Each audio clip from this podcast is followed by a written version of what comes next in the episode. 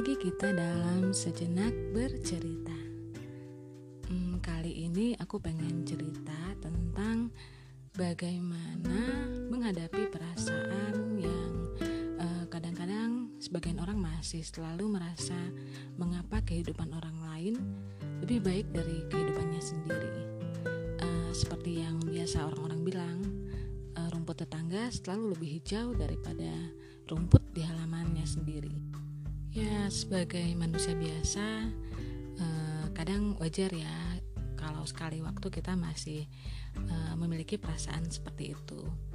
Eh, tergantung dari bagaimana cara kita menyikapinya. Ada dua hal yang mungkin bisa eh, coba kita renungkan. Eh, jika membandingkan kehidupan orang lain dengan kehidupan kita, membuat kita menjadi lebih termotivasi uh, menjadi lebih baik uh, menjadi ingin seperti mereka ya itu pastinya akan memberikan dampak positif. Hmm, karena kita menjadi lebih termotivasi. Parahnya kalau uh, membandingkan kehidupan orang lain dengan kehidupan kita lalu membuat kita merasa bahwa uh, kehidupan kita kurang beruntung atau malah membuat kita menjadi uh, menyalahkan diri sendiri atau uh, buruk-buruknya tuh menyalahkan takdir. Nah, tentunya ini akan membuat kita menjadi uh, kehilangan rasa syukur.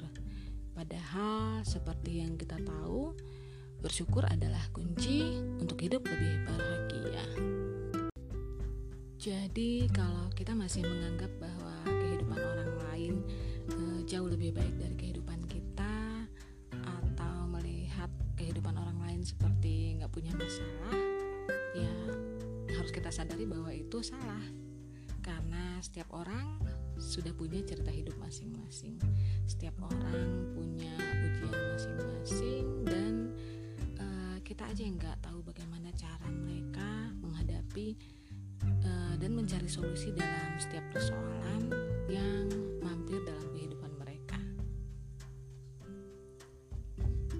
jadi jika kita masih tergoda untuk memandang rumput tetangga uh, selalu terlihat lebih hijau, uh, mari sekarang kita benahi rumput di halaman kita sendiri. Mari kita syukuri semua yang kita punya, menghargai apa pun yang kita miliki, dan percaya dengan bersyukur kita akan selalu berbahagia. Bahagia itu milik semua orang. Sekian dulu cerita hari ini. Sampai jumpa di cerita berikutnya.